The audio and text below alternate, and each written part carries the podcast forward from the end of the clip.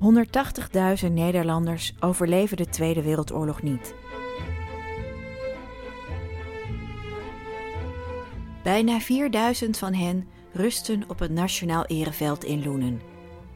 Een van hen is Bernard IJzerdraad, Berry voor familie en vrienden. Van de allereerste verzetsmensen was hij de allereerste.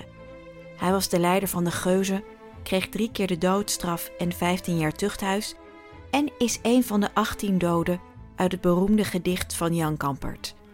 Maar wat voor man was het? Bernard is een wereldverbeteraar. Hij was echt een hele principiële man. Daar waar Bernard kwam, daar gebeurde iets. Dus het was volgens mij een man die in stilte mensen motiveerde dingen te doen en eigenlijk nooit op de voorgrond kwam. En wat hield het verzetswerk van het allereerste uur in? En wat bewoog deze man, leraar en gepassioneerd wever, om al zo snel in verzet te komen tegen de Duitsers?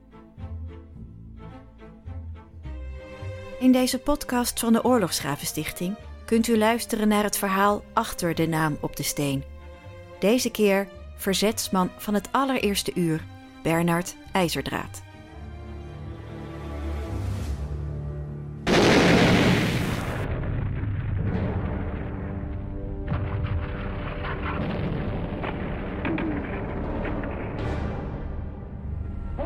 Heute Nacht zum ersten Mal auf unserem eigenen Territorium auch mit bereits regulären Soldaten geschossen.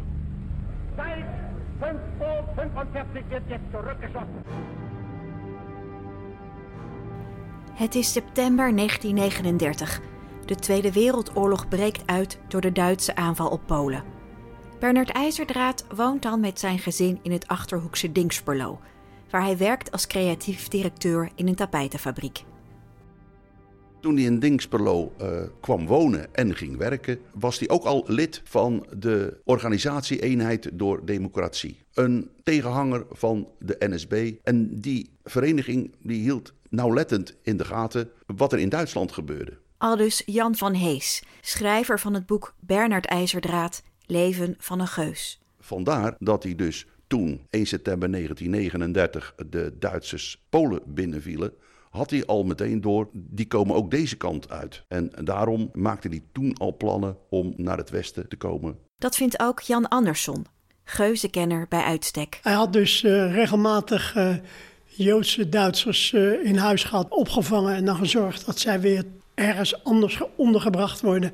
Maar hij had dus, hoorde dus eh, uit de eerste hand wat, hoe het leven in Duitsland was. En dat, hij vond het daar Dingsvolle toch te gevaarlijk om te blijven wonen. Bernard IJzerdraad besluit zo ver mogelijk naar het westen van Nederland te verhuizen, zodat hij zo lang mogelijk kan doorvechten wanneer de Duitsers Nederland binnenvallen. De familie IJzerdraad strijkt neer in Schiedam en in het voorjaar van 1940 is hij aan het werk als leraar op een lagere school in het nabije Vlaardingen. En dan wordt het 10 mei 1940. Goedemorgen, dames en heren. Hier is Hilversum, Nederlandse Omroep Algemeen Programma. Wij vragen uw aandacht voor het ANP. Hier volgen nieuwsberichten van het ANP. Het Algemeen Hoofdkwartier deelde ons hedenochtend om kwart over vijf het volgende mede. Van drie uur af hebben Duitse troepen de grens overschreden. Vliegaanvallen zijn geprobeerd op enkele vliegvelden. Weermacht en afweer zijn paraat bevonden. Inundaties voltrekken zich volgens plan. Voor zover bekend zijn ten minste zes Duitse vliegtuigen neergehaald.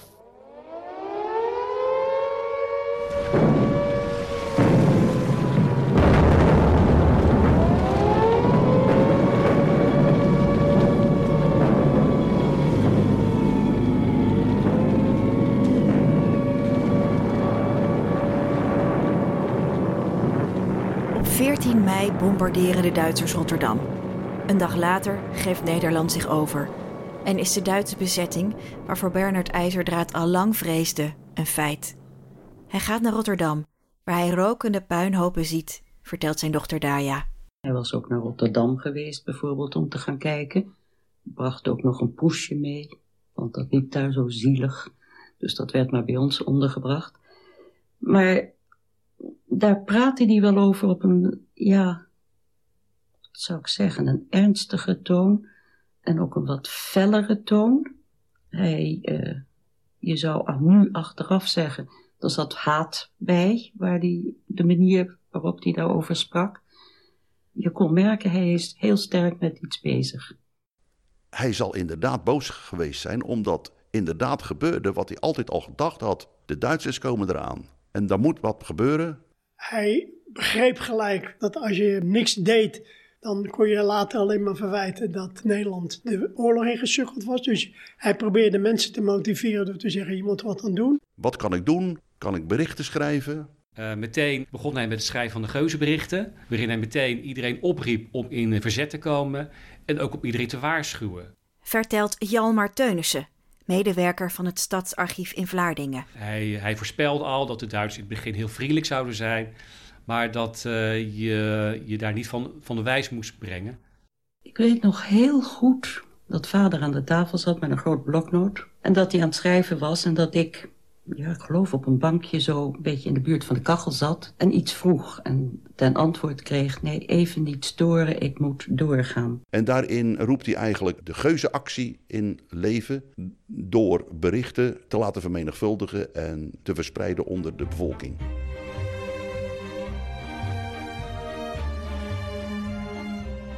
Geuzenactie, bericht nummer 2. De geuzenactie is ingezet op 15 mei 1940 te Amsterdam. Ons eerste bericht heeft nu al zelfs Nijmegen bereikt. Nederland zal zijn vrijheidsberoving niet voor zoete koek opeten. We weten wat ons te wachten staat. Al onze voorraden zullen worden weggehaald. Voedsel, kleding, schoeisel. Spoedig krijgen we het bonnenstelsel voor alles en nog wat. En daarna kunnen we zelfs op de bonnen niets meer krijgen. Onze jonge mannen zullen worden gedwongen elders te gaan werken voor den overweldiger. We krijgen stellig spoedig een nieuwe Alva met bloedraad en inquisitie. Of een kiesling. Maar de geuzenactie zal ons geleidelijk organiseren. En eenmaal zullen we, evenals in de 80-jarige oorlog, onze vrijheid heroveren. Moed en vertrouwen. Ons land zal geen onderdeel van Duitsland worden.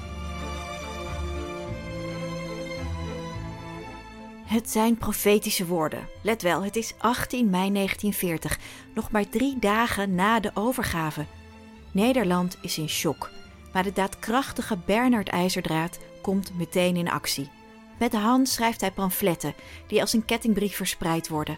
De geuzenactie bestaat uit het volgende. Schrijf elk bericht twee of meer keer volledig over met verdraaide hand. Doe ongemerkt elk papiertje, ook dit exemplaar, toekomen aan een betrouwbare Nederlander die weer hetzelfde doet als gij. Onderbreek deze actie nooit, ook al krijgt ge soms een bericht voor de tweede maal. Laat ieder deze geuzenplicht doen. Eén voor allen, allen één. Dit bericht is uitgezonden op 18 mei 1940. Dat iemand direct al in, in bezet kwam. Terwijl heel veel Nederlanders die waren lamgeslagen door, door wat er was gebeurd. Die moesten het allemaal verwerken. Maar hij kwam direct in actie. Dat vind ik echt uh, ja, ongelooflijk. Dat zijn de berichten waarop de allereerste verzetstrijders hun ideaal hebben gevormd. Als het aan ijzerdraad ligt, blijft het zeker niet alleen bij het schrijven van geuzenberichten. Hij heeft een heus geuzenleger voor ogen dat met daden het leven van de Duitse bezetter zuur moet maken. Eind mei ontmoet hij de Vlaardingers Arie Kop en Jan Keijne, die de geuzen praktisch vorm gaan geven.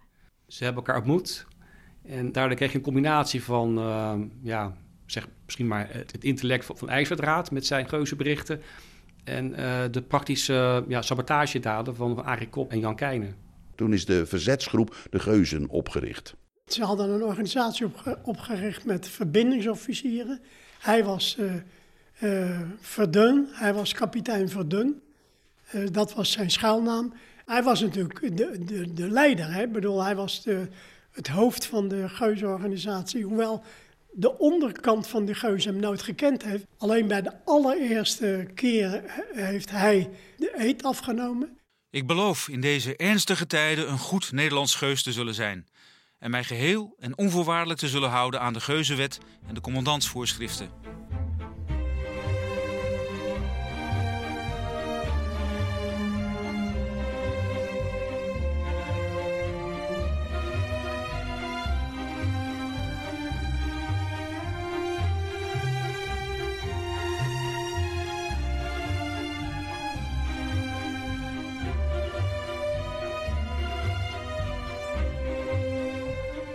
Vanuit Vlaardingen worden de geuzen steeds groter. Vooral in de omgeving. In Schiedam en Maasluis, maar ook in Rotterdam, Dordrecht en Delft ontstaan vaak, via via, afdelingen van mannen die iets tegen de Duitsers willen doen. Met het uitbreiden van, van de hele geusbeweging zie je dat er ook uh, gegevens werden, werden verzameld over de Duitsers, maar ook over Nederlanders uh, die, die fout waren. Spionage en uh, het doorknippen van telefoondraden. Bijvoorbeeld hier in Vlaardingen hebben ze de draden doorgeknipt van de Duitse luchtafweer geschud. De Duitsers waren er echt woedend over. En het verzamelen van buskruid en van, van wapens. Kijk, nu zeg je van wat heeft het voor zin om een Duitse soldaat in het water te duwen. Maar er zijn minstens drie gevallen bekend van dat de geuzen mensen in het water hebben geduwd. Ja, ja, ja meestal werden ze nog gered ook. Maar dat zijn dingen die heeft IJzerdraad nooit gedaan. Die heeft mensen er wel toe aangezet. Die heeft ook recepten uh, verschaft om uh, vergif uh, te geven. ze hebben punaises hebben ze met vergif inges, ingesmeerd. in, de, in de hoop dat Duitse soldaten dat zou, zich aan zouden prikken. Ja, als je nakijkt wat ze gedaan hebben, dan zeg je ja, het is eigenlijk jongensspel. Ik denk dat hij zelf niet eens wist waar hij aan begon. En de geuzen ook niet. Want we hebben het over mei, eind mei 1940. Wat was er toen nog bekend? Ze waren nog maar net bekomen van de schrik van het bombardement, de, de overgave van, aan de Duitsers. En toen moest het allemaal nog beginnen. Uh, ze moesten het uh, helemaal uitvinden. Het was het begin van de oorlog. Niemand had ervaring met verzet plegen. Ze moesten het echt uitvinden. IJzerdraad is erg optimistisch in zijn geuzenberichten. Hij schrijft zelfs over een geuzenleger van bijna 100.000 mensen. En hij verwacht dat de oorlog zo voorbij zal zijn. De Engelsen zullen Nederland komen bevrijden. En daarom verzamelen de geuzen inlichtingen. Zijn er Duitse marineschepen? Waar staat afweergeschut? En IJzerdraad geeft dat, naar eigen zeggen, door aan Engeland. Dat, is, uh, dat was het, de bluffpoker die IJzerdraad uh, speelde. Die zei dat hij contact had met een Engelse generaal. En dat er uh, regelmatig in Roon, als ik me goed herinner, een Engels vliegtuig kwam waarbij uh, berichten werden opgenomen. Hij had het over dat de berichten wel aangekomen waren in uh, Engeland en dat hij daar wel contact mee had gehad. Maar daar is nooit iets boven water gekomen van enig contact uh, met Engeland. Wat die inlichtingen die zij verzamelden betreft. je moet je voorstellen dat het belangrijkste is altijd geweest de inspirator van de mensen die het werk deden.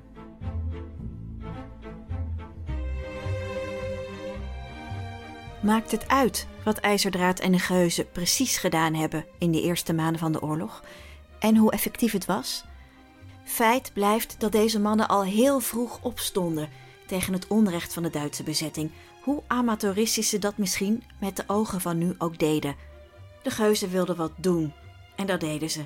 Ze creëerden een organisatie, niet alleen met hun eigen blad, een eed, maar ook met een eigen wet in geen enkele omstandigheid verraden geuzen elkaar. Geuzen denken aan de bevrijding van het vaderland, de vernietiging van de NSB en andere vijandige organisaties en de terugkeer van Oranje. Geuzen zijn zwijgzaam en houden alles betreffende het geuzenleger en zijn actie geheim. Zelfs voor hun huisgenoten, indien deze zelf nog geen geuzen zouden zijn. Buiten de geuzenbijeenkomsten wordt nooit over geuzenaangelegenheden gesproken. Het is inmiddels november 1940. Bernard IJzerdraad is verhuisd naar Haarlem, waar hij in het Frans Hals Museum een droombaan heeft als restaurator van een 17e eeuws wandkleed. Maar helaas houdt niet iedereen zich aan die regel uit de geuzenwet, dat buiten de geuzen om nooit over de geuzen gesproken mag worden. Ja, het was een vrees, vreselijke samenloop van omstandigheden. Uh, Daan van Striep die was bij de geuzen terechtgekomen. Hij vertelde het hele verhaal aan zijn broer, die in Arnhem uh, woonde ja, zijn broer vertelde het weer door aan, een vriend die, uh, die bij een schaakclub schaakte. Dat werd weer gehoord door, door een NSB'er, een drogist. Die vertelde het weer door aan een klant. En die klant die zat ook bij de NSB. En zo is het maar doorgegaan. En uiteindelijk is het terechtgekomen bij de politiecommissaris. Die heeft besloten om uh, onderzoek in te stellen. Samenwerking met de Duitsers. En ze zijn naar Schiedam uh, gegaan om die David Striep te verhoren. En toen één voor één zijn die domino-steekjes omgevallen. En werden één voor één werden de geuzen opgepakt.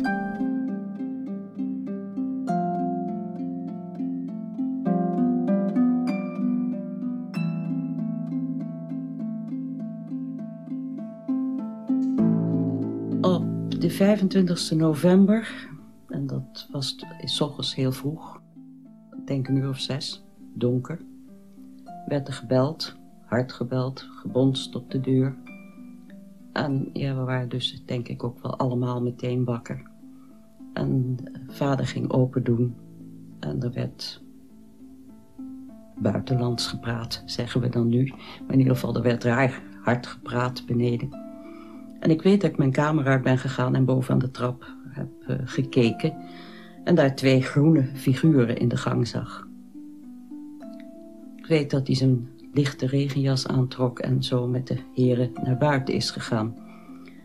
En hij zei hardop in de gang van... Ik moet even mee.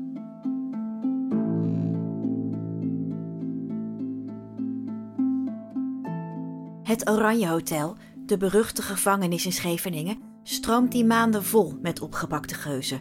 Honderden zitten er vast. Allemaal worden ze onderworpen aan de gruwelijke verhoormethodes van de Ziekenhuisdienst, wat twee geuzen niet overleven. De mannen hebben het zwaar in de gevangenis, maar houden hoop op een goede afloop. Graag nog mijn oude dikke jas, veters, naaigerij en misschien mag ik wat studieboeken hebben. Dan graag over Gobelin en het boek De Katoenweverij van Huxhorn. Dag, Berry. Toen de hoofdgroep in de gevangenis zat, waren ze betrekkelijk optimistisch. Want eh, wat hadden ze nu eigenlijk gedaan in hun ogen? Maar dat het dus uh, ernstiger was dan zij dachten, ja, daar kwamen ze pas veel later achter. In februari 1941 krijgen IJzerdraad en 42 andere geuzen te horen dat ze voor de rechter moeten verschijnen. Ze worden ervan beschuldigd lid te zijn van een geheime organisatie die als doel heeft om sabotage en terreurdaden te plegen tegen de Weermacht en om inlichtingen over het Duitse leger te verzamelen en door te geven aan Engeland.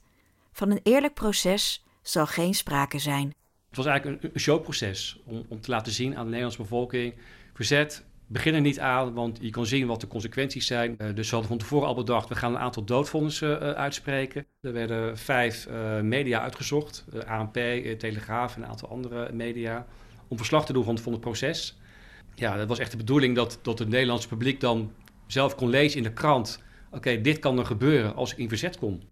Het proces begint op maandag 24 februari 1941 en duurt vijf dagen...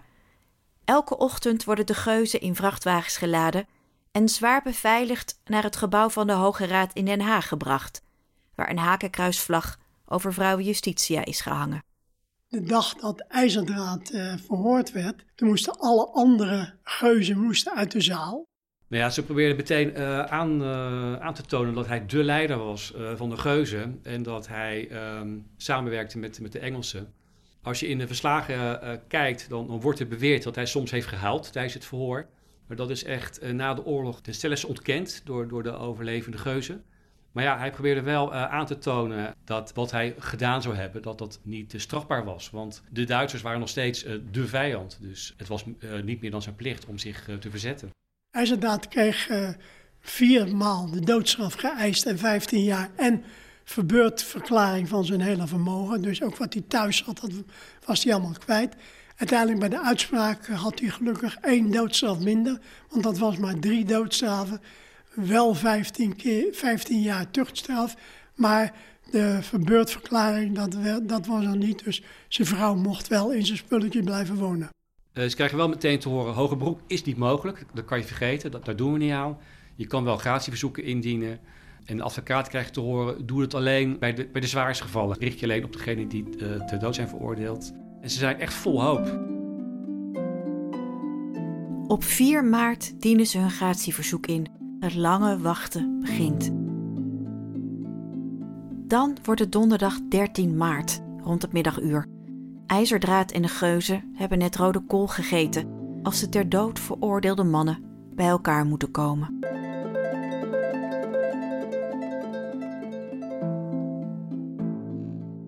Ja, ze worden allemaal worden ze naar een uh, kamertje uh, geroepen. En uh, daar staat weer de aanklager klaar van het proces. En die was een klein mannetje en die ging tegen al die mensen die ter dood veroordeeld waren, ging hij uh, hun straf vertellen. Bert IJzerdraad, doodstraf. Alleen bij de drie minderjarige geuzen, uh, zoals uh, bij Bill Minko zegt hij, ja, gratieverlening, omgezet in levenslange tuchthuisstraf. ja, ze kregen te horen dat ze om half vijf zouden worden opgehaald en dat ze daarna zouden worden doodgeschoten. Ze kregen uh, allemaal nog, nog, nog tien sigaretten en ook uh, potloden en uh, papier om nog een laatste brief te schrijven aan hun familie. Ik vraag je nu, alle geliefden die wij samen kenden, te verzekeren dat ik hen allen, alle vele dagen lang, steeds trouw heb herdacht. Groet ze van mij en dank ze voor hun liefde en toewijding.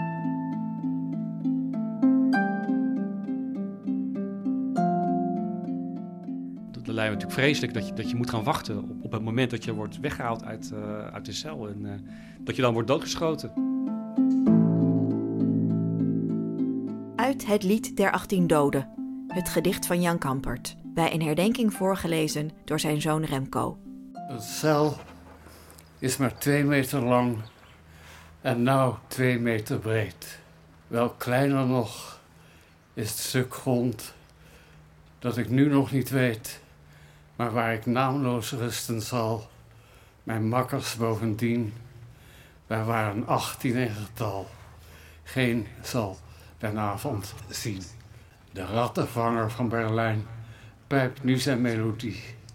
Zowaar als ik straks dood zal zijn, de liefste niet meer zie en niet meer breken zal het boot en slapen mag met haar. Verwerp al wat hij biedt of bood die sluwe vogelaar.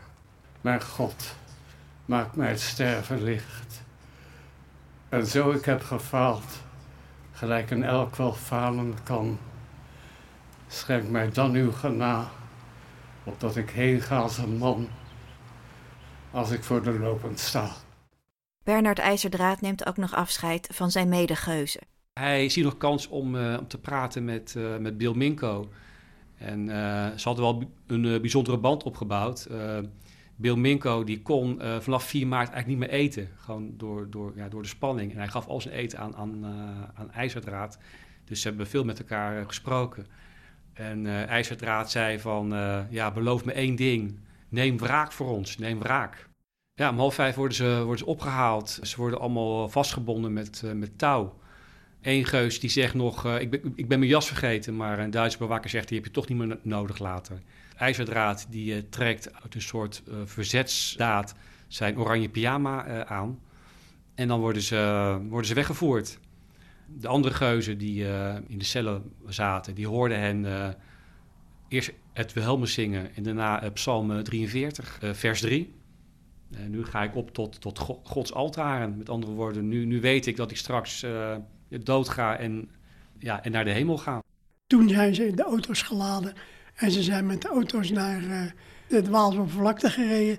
En daarachter reed de auto met de militairen die ze heeft uh, gefuseerd, hebben gefuseerd.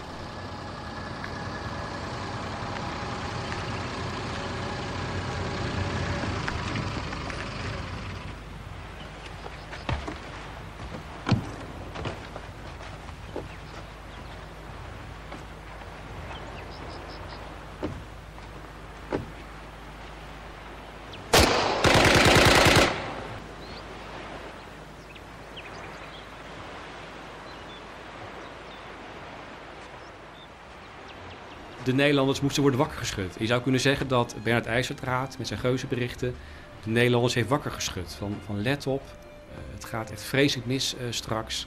Uh, wees waakzaam en kom in verzet. Dus ik denk dat dat wel het belang is geweest van de geuzen. En je merkt ook dat het verzet heeft geleerd van, van die eerste fase. Ze moesten het gewoon zelf uitvinden. Er was geen school voor. Ze hebben hun leven gewaagd. Ik kan eigenlijk alleen maar diep respect alleen maar voor hen opbrengen.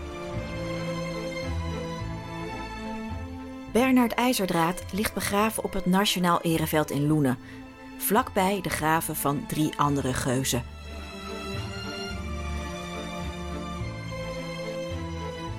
Deze podcast is gemaakt voor de Oorlogsgravenstichting door Anne Rut Groen.